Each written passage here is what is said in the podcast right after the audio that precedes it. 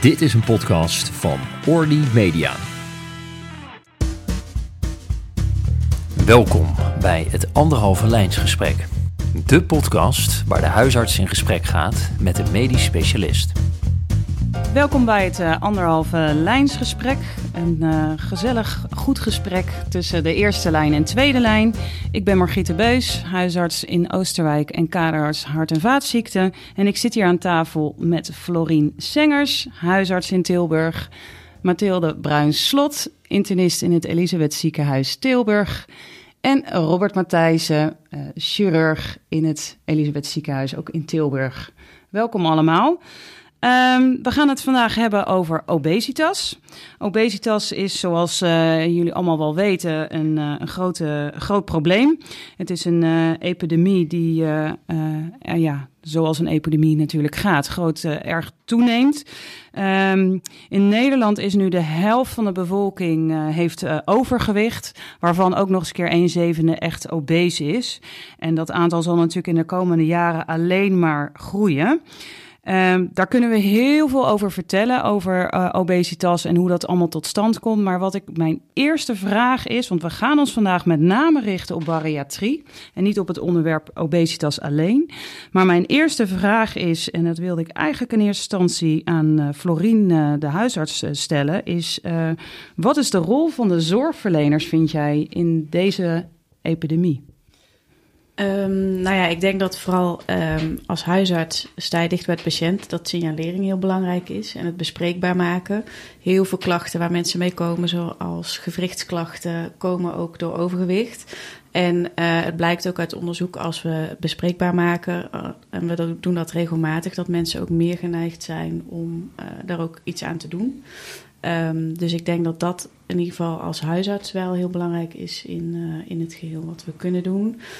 Um, en daarnaast um, ook de eerste lijns uh, glie uh, wordt nu veel um, geadviseerd en uh, gepromoot. Dat, dat we daar ook steeds meer rugbaarheid aan geven. Omdat het nog voor veel mensen ook onbekend is. Ja, en met glie bedoel je de gecombineerde leefstijlinterventie. Hè? Ja, die wordt steeds meer ja, aangeboden in de regio. Ja.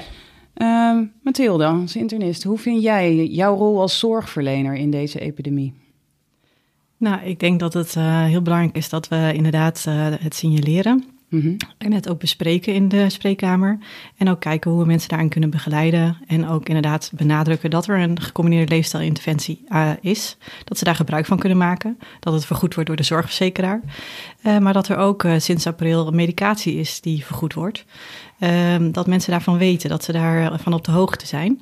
En nou, bariatrie ook heel belangrijk. Um, ja, soms weten mensen niet dat ze daarvoor in aanmerking komen. En um, ja, dat, uh, dat we dat wel bespreken, dat die mogelijkheden er zijn. Ja. ja, ja.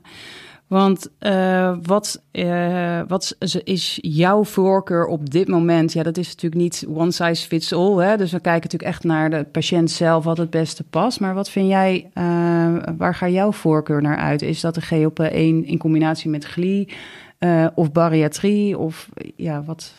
Ja, dat is, ik heb niet een voorkeur. Ik denk dat echt mm. wat je zelf ook zegt heel belangrijk is dat je kijkt naar de patiënt. En uh, wat voor de patiënt het beste past. En dat voor de ene patiënt is dat echte bariatrie. Maar voor sommige mensen kun je medicatie ook uh, als eer, eerste stap proberen. Ja. Um, Robert, als we het nu toch heel even over glie hebben. Hè? Ook de patiënten die in aanmerking komen voor bariatrie, we komen straks daar nog heel even wel op terug waar, hoe dat precies zit. Uh, krijgen zij ook standaard gecombineerde leefstijlinterventie, daarvoor of daarna? Krijgen zij iets aan begeleiding in de verandering van leefstijl? Ja, die, die krijgen ze wel degelijk. Het is natuurlijk een heel, um, ja, voor ons zorgverleners aan de tweede lijnskant inmiddels al een, een, een bewezen en uitgedokterd uh, principe dat alleen een chirurgisch ingrijpen, mm-hmm. dat dat eigenlijk helemaal niet werkt. En nee. dat je inderdaad ervan uit moet gaan dat je die levensstijlverandering ook echt moet uh, coachen en begeleiden. En daar zit een heel intensief programma naast, wat eigenlijk start al bij het aanmelden van um, de, het moment, eigenlijk het aanmeldingsmoment dat mensen zich in een bariatrisch centrum melden. Um, en dat een analyse en een screening vooraf leidt bij sommige mensen tot een vroegtijdige interventie om inzicht te creëren, om leefstijlverandering te genereren, om eetpatronen te veranderen, um, ehm, ja, andere maten van begeleiding, zoals bijvoorbeeld op het vlak van psychologie, om dat te realiseren. Mhm. Zodat mensen uh, goed beslagen ten ijs komen. En als ze dan uiteindelijk tot zo'n bariatrische ingreep groeien en daar ook dan doorheen komen op een goede manier, dat ze uiteindelijk, ja, eigenlijk met een heel voortraject soms, maar in ieder geval ook met een heleboel kennis en inzichten, die jaren daarna in kunnen gaan. En dan houden ze daarna ook nog eens vijf jaar onder controle. En dat zijn de jaren waarop we juist een beetje proberen niet op de momenten dat het allemaal uitstekend gaat en goed gaat, maar vooral ook op de momenten dat ze het moeilijk hebben, om wat voor omstandigheid dan ook, hè, um, door voor ze te zijn. Om dan toch een diëtiste nogmaals de begeleiding te vragen, of een fysiotherapeut, of een psycholoog, of um, ook vanuit ons, of een internist. Um, en dat, daar juist is dat voor. Dus, dus ja, uh, die leefstijlinterventie, die, die, dat is een heel ongoing proces. Ja. Oké. Hey, en als ik uh, bijvoorbeeld mensen op mijn spreker die roken hè, en die willen daar iets mee, dan vraag ik ook altijd: Goh, en hoe staat uw partner of uw gezin daar verder in? Hè? Want als iemand wil stoppen met roken, is het heel vervelend als de rest binnen het huis blijft roken. Hetzelfde geldt natuurlijk voor leefstijl. Is dat iets wat jullie nemen, jullie de gezinnen uh, of de families of het systeem daar ook nog in mee? We vragen wel bij de screening, ja. vragen we wel van, uh, krijgt u steun van uw omgeving, van uw familie? Is wel een belangrijke voorwaarde, dat mensen echt gesteund worden. En je ziet vaak wel dat bij die bijeenkomsten die we zeker aan het begin hebben, dat de familie en de bekenden, eh, of de, de naasten moet ik zeggen, er heel veel bij zijn. Um, na de hand op de controles minder. En in die jaren daarna hebben we ook, is het niet een standaard op dit moment um, um, gegeven dat we de familie ook in ogenschouw houden. Mm -hmm. dat is helemaal niet zo. Nee. Uh, dat zou misschien wel kunnen, zou een goede zijn. Ja, maar ze worden in principe met die informatieavonden aan het begin wel meegenomen. Ja. ja. Okay. En wordt ook inderdaad gestimuleerd om dat gezamenlijk op te pakken. Ja, ja. ja ik denk dat dat heel belangrijk is om daar aandacht uh, voor te hebben. Um, Florien, jij had ook volgens mij wat vragen. Ja, dat klopt. um, nou ja, het was net al even uh, benoemd, maar um, wat is de voorkeur uh, op dit moment? GLP-1 in combinatie met glie of bariatrie. Je gaf net al aan van uh, het ligt een beetje aan wat voor patiënt je voor je hebt. Maar kan je daar een klein beetje over vertellen wat de verschillen zijn of kunnen zijn? Ja, nou, sowieso het resultaat. Hè? Dus als je kijkt naar de medicamenteuze behandeling, heb je een. Uh, als je kijkt naar de resultaten, is dat veel een lager percentage wat, wat mensen afvallen. Uh, dus dan moet je denken, als je medicatie uh, combineert met een glie, ja, dan vallen mensen ongeveer 10 tot 15 procent af met medicatie. van een totaalgewicht of van een overgewicht? Van een totaalgewicht. Van een totaalgewicht. Ja. En de bariatrie is natuurlijk veel hoger. Dan moet je denken aan 15 tot 45 procent. Um, nou, gemiddeld iets van 30 procent. Wat mensen afvallen. Dus dat is natuurlijk veel meer dan met medicatie. Ja. Dus als je kijkt, als iemand heel erg veel overgewicht heeft, dan heeft de voorkeur toch wel bariatrie om op een gezond gewicht te komen. Ja. Hebben mensen minder overgewicht, uh, en je moet natuurlijk ook kijken van wat is de leeftijd, wat is de comorbiditeit, uh, dan is medicatie zeker een hele mooie stap. Maar er zit ook een keerzijde aan. Medicatie moet je wel door blijven gebruiken. Als je stopt, dan komen mensen vaak ook weer aan. En, um, Eigenlijk is de gouden standaard nog op dit moment de bariatrie. Bariatrie. En, en de gecombineerde leefstijlinterventie daarbij. Dus de operatie met de levensstijlverandering. Ja, ja in de tweede lijn dan neem ik aan, hè? want bij ons. Precies, want dat is, een, uitgesele ja. Ja, dat waar. Dat is een uitgeselecteerde groep natuurlijk van mensen die Juist. echt aan de bariatrie richtlijn, zoals die nu geldt, uh, voldoet. voldoet ja. Al is die in de laatste jaren aan het oprekken. Er komen steeds meer mensen voor dit soort interventies in aanmerking. Ja. De leeftijdsgrens is wat naar boven toe opgeschoven. Hè? Dus als je, je mag tot een hogere leeftijd van, uh, van ook wel 70 jaar bijvoorbeeld nog in aanmerking komen voor dit soort ingrepen. Hmm. Als je maar daadwerkelijk nog niet te veel schade hebt ondervonden van je overgewicht. Onirreversibele schade. Ja. En aan de onderkant geldt dat ook. Um, er was recentelijk nog een hele interessante uh, discussie um, op een webinar vanuit de Nederlandse Vereniging voor Chirurgische Oncologie, waar ook internisten aan meededen. Die bijvoorbeeld zeiden: ja, neem nou bijvoorbeeld ook de oncologische patiënt eerder mee in je bariatrietraject. Als er een hormoongevoelige tumor speelt, dan is de invloed van bariatrie op het overgewicht dusdanig gunstig voor de overleving van die tumor. Ja. Ongeacht of die BMI nou net gehaald wordt volgens de richtlijn van de bariatrie, dat je die kan meenemen. En dat zijn, dat zijn al wat oprekkingen die er zijn, omdat het, omdat het ook um, zo goed werkt. En de medicatie haalt dat nog niet. Maar daar wordt zo hard aan gewerkt dat dat niet zomaar over vijf jaar nog steeds geldt. Nee, want er komen ook nieuwe medicamenten. dus op dit moment is er uh, eigenlijk alleen Saxenda, dat is liraglutide in een hoge dosering. En Mysimba, dat is naltrexon buprion. Uh, dat zijn de enige medicamenten op dit moment uh, die vergoed worden voor overgewicht. Maar er komen ook in de toekomst andere medicatie. zoals tirzepatide gaat komen. Die heeft ook een hele hoge uh, percentage dat mensen daarvan kunnen afvallen. En de semaglutide gaat komen. Dus er zijn wel medicamenten op komst die, waarbij je meer gewicht gaat verliezen. Ja. ja dus moet over een tijdje weer aan tafel. Ja. Heel goed. Ja, want uh, nou ja, Robert, jij begon er net al over. Maar de vraag ook uh, van ons als huisarts is: wat is nou precies de indicatie uh, voor bariatrische chirurgie? Wanneer moeten wij mensen naar jullie verwijzen? Ja, die regels zijn dus wat aan, aan, aan verandering onderhevig. Maar klassiek gezien um, komen eigenlijk alle mensen in aanmerking voor een tenminste een analyse in een bariatrisch centrum.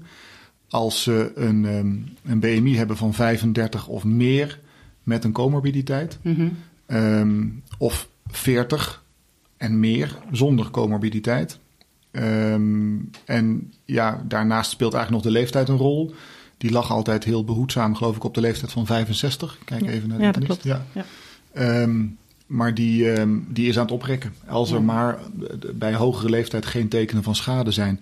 En daarnaast leeft nu heel erg de discussie: is het niet zo dat je al bij een lager BMI eigenlijk het moet zien als metabole chirurgie om andere dingen, het metabol syndroom tegen te gaan, wat, um, uh, wat al op, op een lager BMI al wel kan spelen. En daar wordt, uh, ja, daar wordt al steeds meer naar gekeken. En ja, de, de, um, de, de, de, de comorbiditeiten die je zou moeten hebben, hè, de klassieke comorbiditeiten, die zijn ook steeds meer. Kan je die um, eens nog heel even kort benoemen? Ja, dus dat is de, hypertensie, uh, de hypercholesterolemie, uh, OZAS, slaapapneu, een hele bekende. Um, nou, diabetes nog, natuurlijk, diabetes ja, type diabetes, 2. precies. Gewrichtsklachten kunnen daarbij een rol spelen. Die zijn er wat bijgekomen nu. Die zijn al wat strakker in de richtlijn meegenomen. Um, ja. We hebben ook wat meer, er zijn meer comorbiditeiten die we eerst niet, hand, uh, uh, niet uh, gebruikten zeg maar, om in aanmerking te komen voor chirurgie. Maar dat is nu wel uitgebreid. Onder andere ook de leververvetting, de, de PCOS, de refluxziekte, gewrichtsklachten alleen. Hoeft niet per se artrose te zijn. Dus het is, het is wel uitgebreid, de comorbiditeiten. Ja, en dan is dus BMI boven de 35 en dan kom je er eigenlijk ja, al uh, wel. Met een comorbiditeit waar je echt winst kan halen in je gezondheid ja. door af te vallen. Als ik dan zo nadenk, hè, en denk naar mijn eigen praktijk... en ik hoor dat de comorbiditeit, die, de lijst wordt groter... de, de leeftijd wordt ver, verlegd... dan kom ik toch weer terug op mijn eerste vraag. Want dan denk ik namelijk, als ik dit doortrek, dan kan ik bijna echt wel een heel groot deel van mijn praktijk gaan verwijzen. Kunnen, moeten we dat doen? Moeten we dat in de zorg aan? Ja, het is natuurlijk op een gegeven moment is op een gegeven moment komt er natuurlijk ook een grens. Het is een beetje een ethisch stuk wat ik nu neerleg. Maar ik merk wel, want nu, nu wordt dus de verwijscriteria wordt opgerekt. Want we zien dus dat er betere resultaten zijn, wat goed is. Hè? Alleen hoe gaan we dat in de toekomst doen? Wetende dat natuurlijk die epidemie alleen maar gaat toenemen. Dus aan de ene kant komen er steeds meer mensen met overgewicht aan. Moeten we die allemaal gaan opereren? Hoe, hoe... In, in, ik, in, in lijn met wat je nu zegt, is de, zijn de aantallen in Nederland, uh, naar wat ik weet over de getallen, dalend. Um, de mensen die een totaal bariatrie krijgen. En hoe komt dat? Ja, dat is een goede vraag. Ja. ja. ja. Dus je ziet de, de, de, je ziet de aantallen in heel veel centra langzamerhand toch ook wat teruglopen. Er zijn mm-hmm. nog steeds centra die groeien. Dus um, um, ik moet even het exacte aantal schuldig blijven. Maar het is niet zo dat, dat er meer. Je voelt een beetje als je dit nu ja. zo stelt, hè, dat het eigenlijk tegen de kade omhoog klotst. En dat je uiteindelijk het niet meer kan bijbenen in de aanwas van mensen die er voor een aanmerking zouden komen. Maar zo is het niet, zeker niet. Nee. nee. Dus de, de stroom die er zou kunnen zijn, um, ongeacht of je dat wenst, hè, mm. of we daar met z'n allen naartoe, of daar heel agressief op gestuurd moet worden, die is er op dit moment nog eigenlijk onvoldoende tot mm. niet. Kan het ook zijn dat um, hè, de, de indicaties zijn verbreed, maar de selectie wordt voor mijn gevoel soms wel strenger. Hè? Dat, dat scheelt ook binnen bepaalde centra hoe, uh, hoe geselecteerd wordt. Zou dat nog een verschil kunnen maken? Dat mensen ook afgewezen worden, bijvoorbeeld, voor de ingreep? Er worden zeker mensen afgewezen, ja. Maar mm. dat is niet. Um, uh, dus uiteindelijk, de screening vindt plaats. Ja, je kijkt ook naar de aanmeldingen. Die, ja. Ja, dat is meer het getal scoort, waar psycholoog wat kan zeggen. Ja, Ja. internist die kijkt ook. Maar ik denk wel dat je mensen toch wel moet blijven verwijzen. Want obesitas is wel een ziekte die geassocieerd is met heel veel andere ziekten. Met, met 80, eh, min- minstens 80 andere ziektes.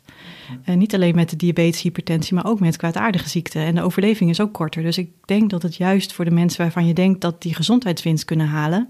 Ja, dat we die wel echt die bariatrie, die mogelijkheid moeten kunnen bieden. Blijven bieden.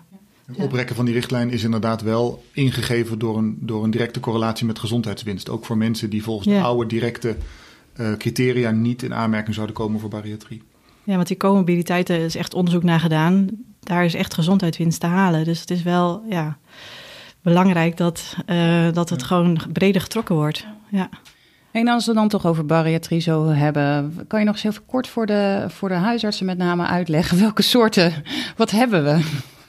Ja, we hadden ehm, meer. Er is eigenlijk iets uit het, uit het in ieder geval Nederlandse palet verdwenen. Dat is de maagband. De maagband wordt eigenlijk niet meer toegepast ehm, in Nederland. En wat we eigenlijk doen in de dagelijkse praktijk is dat we meer maagbanden verwijderen. Ehm, wat we dan wel doen, dat is eigenlijk een heel beproefde techniek en bestaat eigenlijk uit twee dingen. Dat is een volumebeperking of een volumebeperking met een opnamebeperking. En de volumebeperking alleen, dat is de gastric sleeve. Ehm, alle technieken gaan tegenwoordig met een kijkoperatie, dus er hoeft geen grote snee meer voor gezet te worden. En die volumebeperking betekent dat je eigenlijk de maag kleiner maakt in zijn volume, maar eigenlijk de darmen gewoon zo laat liggen als dat ze zijn. Daarnaast is het zo dat we een volumebeperking kunnen toepassen met een opnamebeperking. Dat is de bypass, de gastric bypass. En die gastric bypass, daarbij maken we een kleiner maagje, ongeveer zo groot als eh, anderhalf theezakje ongeveer. En daaraan zetten we de darm vast omdat het maagje daarbovenin geen verbinding meer heeft met het maag-darmstelsel en het eten er in een blind zakje in zou vallen, moet de darm er weer opnieuw aangesloten worden. en die aansluiting die maken we op zo'n manier dat er ongeveer ehm, ja, 1,70 meter wordt uitgeschakeld van de resorptie. En dat is de opnamebeperking. En dat betekent dat je nog een x-lengte overhoudt. Hoeveel weten we niet precies, meten we ook niet af, maar het is ruim voldoende om verder te kunnen. En de invloed van die volume of die opnamebeperking staat nog een beetje wel ter discussie. Uh, omdat we ook zien dat de sleeves en de bypasses het eigenlijk in, het, in zijn geheel alle twee best wel goed doen. Even goed doen. Uh, de bypass op een paar punten nog wel wat beter. Zeker voor de mensen met ernstig overgewicht. En ook de mensen met ernstige diabetes en ernstige comorbiditeiten. Daar hebben we toch een lichte voorkeur nog steeds voor de gastric bypass. Mm -hmm. um, maar ja, alleen de volumebeperking doet dus ook al heel veel. Ja, want we hadden het net ook al even over dat uh, het ook ingezet kan worden als op metabole chirurgie. Hè? Ja. Dan gaat het vooral over diabetes, denk ik. Ja, ja. Um, in een wat eerder stadium ook. Ja, ja. precies. En um, kan je daar misschien wat meer over uitleggen hoe dat werkt? Um, nou, sowieso natuurlijk uh, door het gewichtsverlies uh, is een groot deel van de mensen met diabetes die nou, beter gereguleerd zijn daarna, maar ook een groep van de mensen met diabetes die helemaal van de diabetes afkomen. Um, dat zie je uh, vrij snel na de operatie eigenlijk gebeuren, dat uh, de glucoseregulatie verbetert. En dat is deels door de caloriebeperking, maar het is ook het effect van de darmhormonen. Uh, bijvoorbeeld de, de incretines wordt dat ook wel genoemd. het effect daarvan is dat er hormonen worden aangemaakt die al heel snel zorgen dat je meer insuline aanmaakt. En daardoor een verbetering krijgt van je glucoseregulatie. Um, en daarom zien we dat na de operatie mensen al heel snel hun medicatie kunnen afbouwen. Soms al heel snel, vrij snel kunnen stoppen. Um, ja, en echt een duidelijke verbetering al heel snel ziet. En met snel moet je echt denken in een paar weken. Dus sommige mensen komen na twee, drie weken na de operatie op het eerste spreekuur terug bij ons dan bij de chirurg om te bespreken hoe de operatie geweest was, hoe het herstel was. En daar zitten toch ettelijke mensen tussen die van een moeilijk instelbare insulinepomp afhankelijke diabetes binnenlopen met, met nog een klein prikje of misschien een metformine tablet. Of, uh, en, en, ja. al, al, en dan is er nog niet zoveel gewicht af, dan is er nee. drie, vier kilo weg. Ja, dat wilde ja. ik net zeggen, want dat, dat gewichtsverlies komt later. Dus ja. het is echt puur iets anders. Ja, wat puur er... de caloriebeperking en die, het effect van die darmhormonen. Ja, die, die zorgen dat je dus ja, eigenlijk uh, meer insuline aanmaakt. En een verbetering van je insulinegevoeligheid. En het is natuurlijk ook afhankelijk wel van hoe lang mensen al diabetes hebben, of ze van hun diabetes afkomen. Mensen die al heel lang diabetes hebben, die hebben soms type ook. 2, toch? Ja, type ja. 2. Mensen die heel lang al diabetes type 2 hebben, uh, zie je wel dat die vaak um, ja, niet van de insuline af kunnen komen. En natuurlijk. Zo de resistent zijn. Dat ja, dat je. eigenlijk een alvleesklier heel weinig insuline nog produceert. Juist, ja. Ehm, en dat het niet puur een, uh, een gevoeligheidsprobleem is voor de insuline. En natuurlijk de mensen met diabetes type 1, het zijn natuurlijk wel de minderheid, want uh, die zien we minder. Maar die mensen komen natuurlijk ook niet van de insuline af. Maar zie je wel soms dat ze minder insuline nodig hebben, omdat ook dat resistentiedeel wegvalt. Ja, ja. Oh, mooi. Mooi effect. Um, ja, en, en um, uh, na de operatie, hè, dan hebben we, horen we ook wel vaak het over het dumping-syndroom. Um, kunnen jullie daar wat, nog wat meer over vertellen? ja. ja, je hebt twee soorten dumping, hè? De, de vroege dumping en de late Precies, dumping. de vroege die dan wij heel vaak zien op het spreekuur, die behelst eigenlijk dat, dat je door het aanleggen, veel bij een, bij een bypass komt die meer voor dan bij een sleeve. Laten we dat voorop stellen. Um, en dat heeft er eigenlijk mee te maken dat de bypass, door de manier waarop we hem aanleggen, de volumebeperking en de opnamebeperking, dat aansluiten van die darm op dat maagje, dan is er tussen dat maagmilieu uh, en de darm eigenlijk geen sluitspier meer te vinden. De pylorus is uitgeschakeld. En dat betekent dat als mensen toch vaak wat net te snel eten, want mensen hebben jarenlang een bepaald eetpatroon gehad, dat wordt van tevoren wel gecoacht en gemanaged door de diëtisten. Maar toch zie je uiteindelijk, zeker na verloop van tijd, dat de aandacht iets wat verslapt. Je valt toch op je oude ritme wat terug. En dan kan het zijn dat of in de productkeuze of in de manier van eten, het snelle eten, er te snel door de afwezigheid van het sluitspiertje tussen maag en darm grote hoeveelheden voedsel in die darm komen. Die trekken weer heel veel bloed aan en uiteindelijk word je daar vagaal op, uh, krampende buikpijn. En, uh, en je voelt je slecht en moet wachten tot dat eten doorgezakt is. Of door de hoeveelheid suiker die erin zit, of door de hoeveelheid voedsel die erin zit. Uh, dus dat is eigenlijk meer de, de, vroege dumping. En dat wordt vaak door coaching van de diëtisten goed opgelost. Dus uh, daarvoor zijn die natuurlijk ook om in het begin dat, uh, dat traject, die krijgen ook actieve afspraken daarvoor om dat dan te managen en te coachen. Ja. Ja. ja. En laat komt ook nog voor natuurlijk. Ja. De late dumping, dat zijn de patiënten die ik als internist wel ja, af en toe op mijn spreker zie. Uh, late dumping is eigenlijk een heel ander uh, principe. Dat is, uh, de suikers worden heel snel opgenomen. Dus mensen krijgen een piek in hun suiker. Maar daardoor krijg je ook een piek in je insuline aanmaken in je alvleesklier. En daardoor zakt je suiker na het eten. -hmm. Meestal ongeveer 1 uur tot 3 uur na het eten hebben mensen echt een la- kunnen ze een laag suiker krijgen. Ehm, het komt niet heel veel voor, maar het, we zien het wel eens. Maar je kan het goed eigenlijk ja, behandelen met uh, een patiënt eerst naar de diëtist te sturen en de voeding ook aan te passen. Maar waar komen ze dan? Met wat voor klachten komen ze dan bij jou? Ja, klachten met lage suikers. Dus dat ze zich bijvoorbeeld trillerig voelen of um, ja, niet lekker, uh, hoofdpijn, misselijk. Um, dat zijn de meeste klachten, ja. Ja, dus de, de acute dumping, dat is eigenlijk meer echt de, de buikpijn die ze dan krijgen. En dat is dus in de vroege fase door die sluitspier die er niet meer is. En de late dumping heeft eigenlijk meer met het uh, metabolisme te maken. Met de, met de insuline die dan... Ja, de insuline aanmaakt die eigenlijk Precies. te veel is ja. voor het suiker wat, wat er is. Wat er, wat maar toch ook wel beide ingegeven door vaak productkeuze die er is. Hè? Dus vaak ja. suikerrijke dingen. Um, um, ja, mag je het snelle suikers noemen? Ja, dus, uh, ja, dus vooral de suikers die een hele snelle piek geven. Ja, en dan die piek is dan weg. En dan heb je wel de insuline die aangemaakt wordt. En dat heeft als gevolg dat mensen echt lage suikers krijgen. Dat kan heel vervelend zijn. Maar vaak is het uh, interventie van de diëtist. Adviezen over de voeding is al voldoende om uh, die klachten weg te krijgen. Ja. En lukt dat echt niet, dan kan je nog met medicatie effect proberen te bereiken. En wat we soms hebben is dat... Um, er, er, is tegenwoordig al veel wel op te lossen. Ook weer met andere... Um, Um, manieren van, van een interventie. En dat is dat we tegenwoordig een MDL, uh, maag-darm-leverarts, dan kunnen inroepen. om bijvoorbeeld de overgang tussen het maagje en de darm. Uh, met een zogenaamde e-tor. En dat wil zeggen dat ze endoscopisch naar binnen gaan. en eigenlijk die verbinding.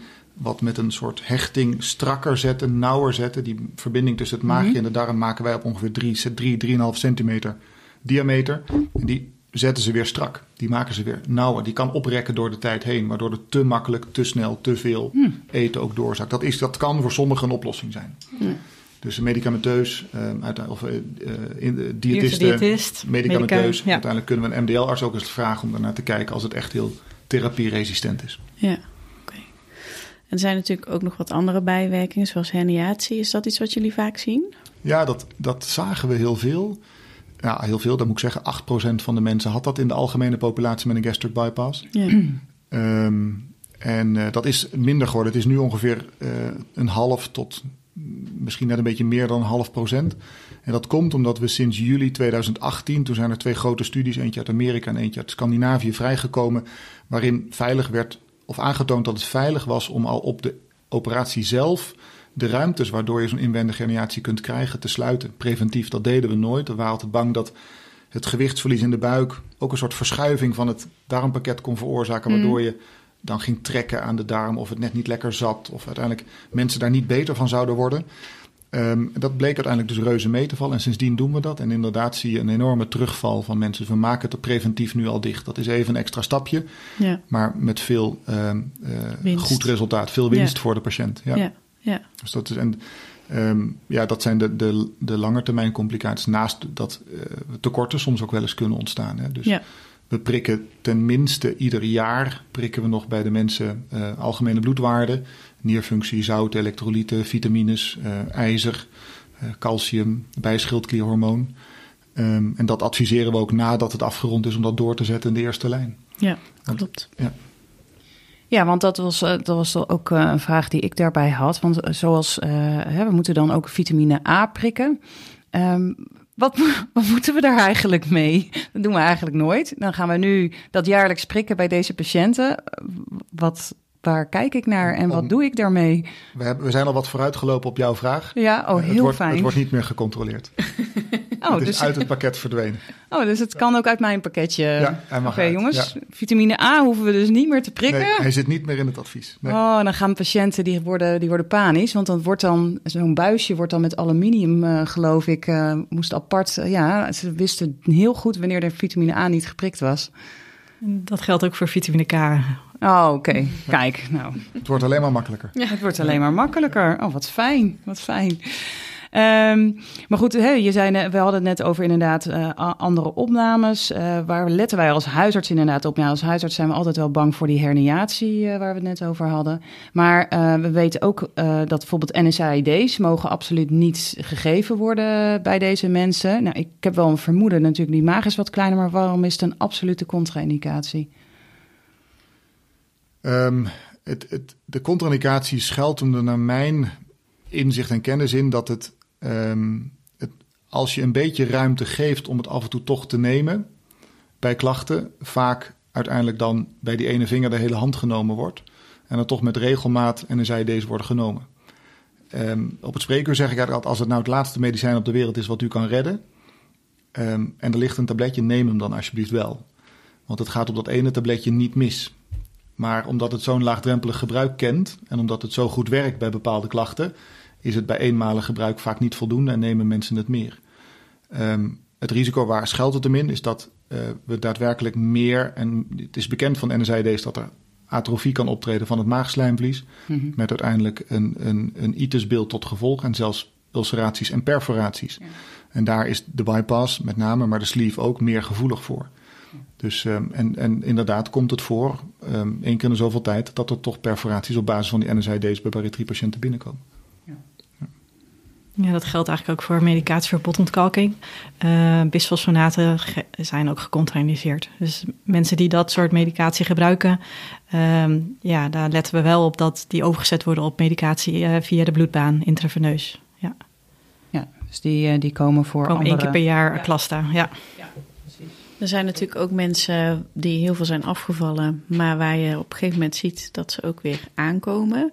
Ehm, zien jullie dat veel en is daar ook bijvoorbeeld chirurgisch nog iets aan te doen? Want soms krijgen ze nog wel eens een nieuwe operatie, heb ik wel eens gehoord. Maar...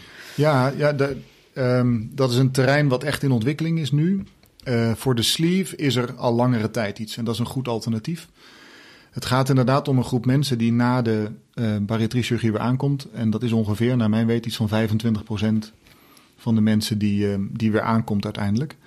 Um, en dan heb je over een regain van, van ja, ik, we kijken eigenlijk altijd naar het overgewicht, hoeveel er vanaf gaat. Hè? Dus we hoorden net al wat percentage van het totaalgewicht. Reken je dat terug naar het overgewicht. Dan bereikt een bypass ongeveer een reductie van 60 tot 80 procent van het overgewicht wat er vanaf gaat. Mm. En als daar weer een kleine 20, 30 procent van bijkomt, dan mag je van een regain praten. En wat er dan gebeurt is eerst maar eens een back on track, um, op zijn goed Nederlands. En dan um, betekent het dat je, dat je de mensen eigenlijk weer terug in het gereel brengt met diëtetiek, uh, met een psycholoog wellicht als er dingen spelen. Um, en ook weer met bewegen. Um, en als dat allemaal toch niet werkt, maar mensen hebben uiteindelijk wel zich bijvoorbeeld goed aan eigenlijk alle regels kunnen houden, maar op termijn komen ze toch weer langzamerhand aan. Dan kun je voor de sleeve er een SADI-S van maken. En een SADI-S is eigenlijk een interventie waarbij we de sleeve intact laten. Um, maar dan daarna, na de pylorus, het duodenum doorknippen. En de sleeve dus los eigenlijk op dat moment uh, ligt als eindstation. Mm -hmm. Maar dan gaan we vandaar naar het colon toe. En dan tellen we van daaruit vanuit het colon een, een, een, een vastliggende darmlengte terug... om daar die resorptiecomponent ja. in het geval van de volumebeperking in te brengen. Dus op die manier breng je eigenlijk de resorptiebeperking in een ingreep terug... die eigenlijk alleen bedoeld was als volumebeperking. Ja. Uh, vroeger hadden we de bypass, maar die, die was niet effectief genoeg om dat aan te kunnen. Uh, het nadeel van die SADS is wel dat er meer tekorten kunnen ontstaan. Ja, dus die mensen precies. moeten echt beter gecontroleerd worden. Ja. Um, en moet ook van tevoren in dat traject van hun sleeve eigenlijk altijd goed bij de les gebleven zijn. Niet um, uit controle gevallen zijn of niet moeilijk aan te sturen of niet uh, um, ja, behept met zaken die die controle bemoeilijken. Want dan moet je dat en willen we dat ook niet doen. Nee, te veel risico's. Ja, voor de Ja. bypass kan dat dus niet. En voor de bypass loopt er nu in Nederland een trial um, waar heel veel bariatriecentra aan mee. Dat is de Discourse Trial. En de Discourse Trial, um, daar zijn we benieuwd naar of het veranderen van die resorptielengtes, dus Mhm. die darmaansluitingen, um, of je nou het deel naar het colon korter of langer maakt, of dat je het biliaire gedeelte, het deel- gedeelte waar alleen maar gal en sappen doorheen stromen, waar nooit eten zal komen, of je dat korter of langer maakt, of die verschillen kunnen leiden tot het opnieuw op gang brengen van gewichtsverlies. uh, in het geval van een bypass. Oké. En dat, eh, daar, wat moeten we, daar is goede hoop op, maar de resultaten daarvan moeten we afwachten. Ja. En is dat nog, want jij zegt nog ook terecht, hè, van ja, mensen moeten zich wel aan het natraject hebben gehouden. Maar na vijf jaar zijn ze uit de tweede lijn. Dan zijn ze al jaren bij de eerste lijn bij ons redelijk stabiel.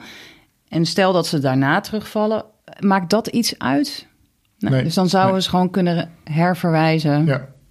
Ja. Van, goh, kijk nog eens mee. En wat dan eerst gaat gebeuren, is dat we toch eerst weer eens gaan kijken of een diëtist Ja, in de precies. eerste lijn precies. Ja. of Ja. anderen, of die meer kunnen bieden in dat hele traject. Want om meteen naar de chirurgie te grijpen, nee, dat gebeurt niet. Nee. Nee, Nee. Dat is wel vaak een vraag die we krijgen hè, van mensen. Uiteindelijk ehm, worden mensen wel eens met die reden terugverwezen en, en zitten mensen ehm, vaak uit zichzelf ingegeven, ook in zo in de wachtkamer wel eens, die zeggen ja, dan, dan zou ik nu een nieuwe ingreep willen. Ja, soms kan het gewoon niet, is er niks. Nee. Nee.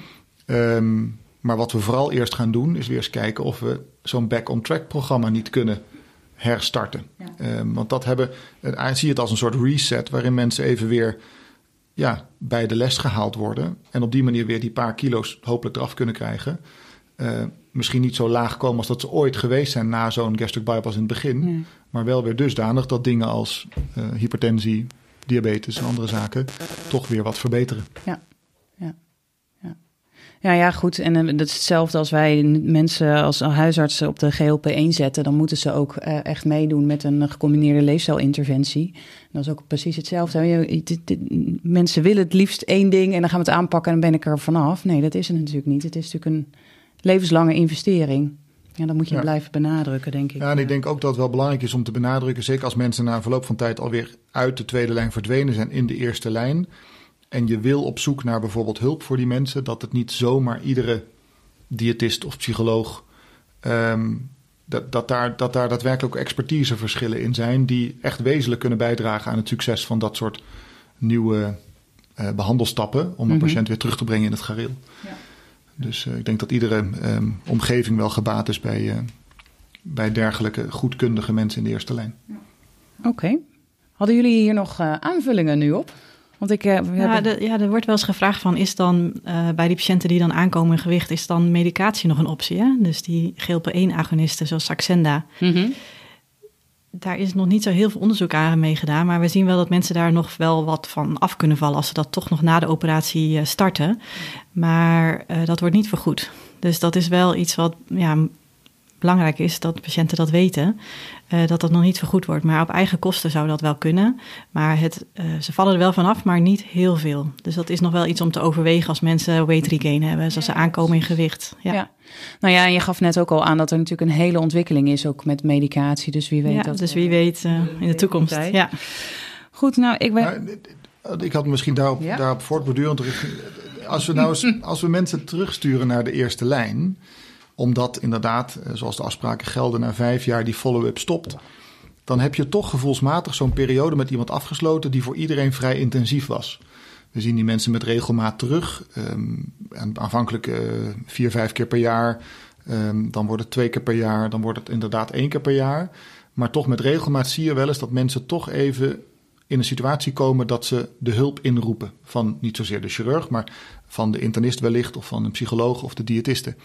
Dat is dus een, een, een, um, een groep die om die patiënt heen gevormd is, die eigenlijk na vijf jaar vrij plots uitstapt. En dat betekent dat als iemand dan teruggaat naar de eerste lijn, hoe ziet dat er dan uit? Hoe actief is zo'n proces van terugontvangst eigenlijk? Niet de verwijzing, maar die ontvangst. Is het de brief die daarbij verstuurd wordt, uh, wordt die geregistreerd en ligt die? Um, of worden mensen bijvoorbeeld ook uitgenodigd wel eens voor een gesprek? Is dat heel eerste lijns verschillend of gebonden? Um, hebben jullie daar hele eigen keuzes in? Want daar ligt ook een hoop vrijheid en ook interesse, denk ik, vanuit de eerste lijn in wat er kan en wat er niet kan. Hoe ziet dat eruit? Want... Ja. ja, ik kan wel vertellen hoe wij het doen. Ja. Um, um, net als met heel veel zorgprogramma's, zeg maar, heb je daar een oproepsysteem voor. En als mensen naar ons terugverwezen worden, dan hebben wij inderdaad een oproepsysteem dat we mensen oproepen in hun geboortemaand uh, voor de jaarlijkse controle. Um, en ze krijgen ook bij terugzenden naar ons inderdaad bericht van als er iets is rondom deze problematiek, dat ze met ons contact kunnen opnemen. Ja. Daar wordt actief, dus gezegd inderdaad, benaderd. Ja. ja, maar dat is denk ik wel per huisartspraktijk verschillend. Bij mij komen ze ook wel in de, in de oproep om in ieder geval bloed te laten prikken. Maar meestal, mijn ervaring is dat de patiënten ook wel vaak nog een keertje wel dit willen bespreken. dus zeker bij de jaarlijkse controle van het lab, is natuurlijk niet alleen lab, maar dan toch heel eventjes goh, um, hoe het verder allemaal gaat. Alleen daar ga ik zelf niet. Ik heb niet een jaarlijkse controle uh, dat ze echt actief op mijn spreker komen. Dat ik van alles met ze door. Dus ze kunnen zomaar uit beeld geraken. Mm -hmm. Ja, bij ons doet de praktijk ondersteunen dat in principe ook. Ja. ja. ja. Maar goed, het is dus niet een, een vast. Nee. Uh, we zitten hier nu eigenlijk in anderhalfste lijns setting. Hè? Ja. En, en, en dat doen we heel bewust ook met dit onderwerp. Want, want eigenlijk zou zo niet iedere patiënt, denk ik, met bariatrie.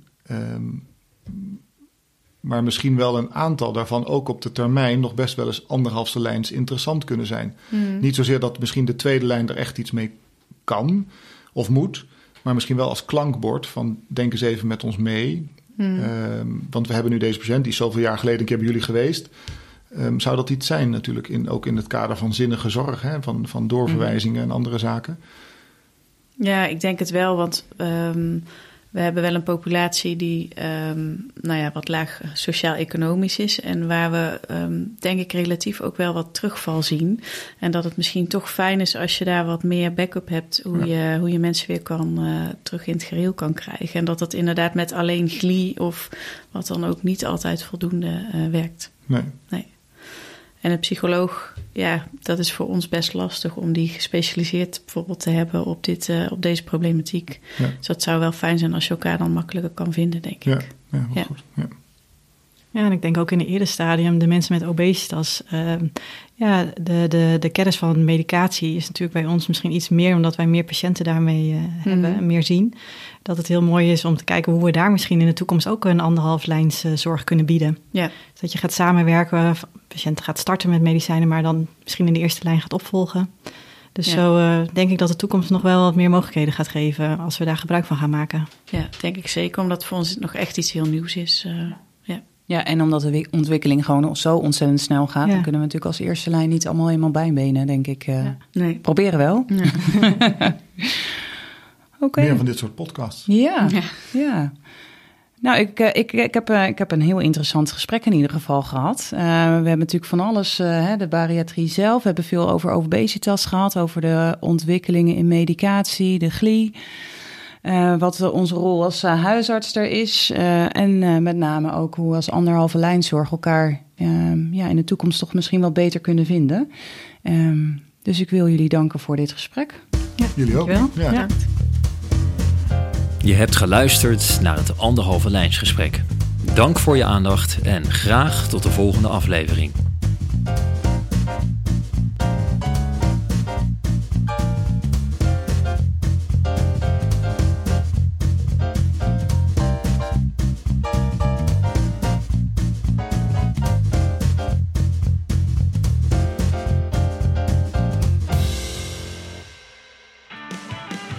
Dit is een podcast van Orly Media.